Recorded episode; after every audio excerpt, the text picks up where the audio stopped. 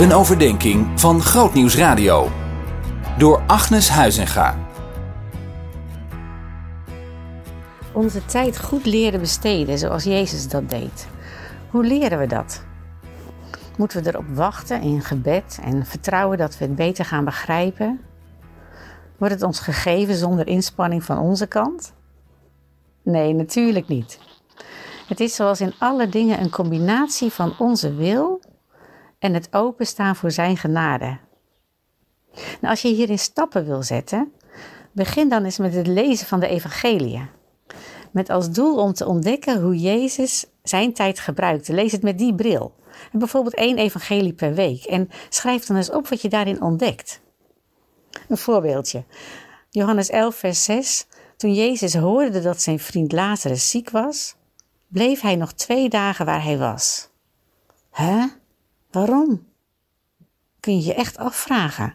Maar Jezus stond zichzelf toe om niet onder druk van de situatie en omstandigheden te reageren, maar hij luisterde naar God. Als hij gelijk gegaan was, zouden we misschien gelezen hebben dat Lazarus was genezen. Maar nu hebben we het wonder van de opstanding. Kijken hoe Jezus zijn dagen besteedde is een eerste stap om het bewust omgaan met tijd en timing te versterken. Een tweede ding is bid en vraag God hoe je prioriteiten in je leven kunt inbouwen. Maak eens een lijst. En ik hoop dat bovenaan staat tijd met God, tijd met familie en vrienden. Maar je prioriteiten kunnen ook veranderen, hè? dus check dat regelmatig. Na de ballingschap waren de Israëlieten bezig met het bouwen van luxe huizen voor zichzelf en ze vergaten Gods huis. En om hun aandacht terug te krijgen, weerhield God zijn zegen. Het staat zo in Haggai 1 vers 6. Je hebt veel geplant, maar weinig geoogst. Je eet, maar hebt nooit genoeg. Je verdient geld, maar stopt het in een portemonnee vol gaten. Het is hoe wij onze inspanningen richten, maakt echt verschil. En alles wat in lijn met God is, dat blijft zegen geven.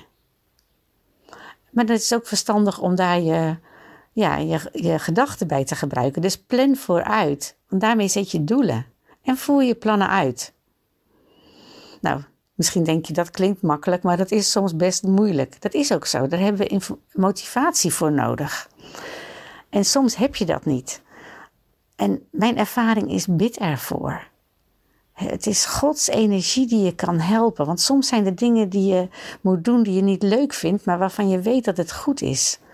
Vraag God dan om je beleving daarbij te veranderen. Want je zult zien dat er iets verschuift wanneer je het aangaat vanuit zijn doel. Geef jezelf aan God. 24 eh, uur per dag. En hij geeft dan de balans van rust en actie in zijn aanwezigheid. Zien in nog een podcast? Luister naar Verhalen van Hoop via grootnieuwsradio.nl/podcast.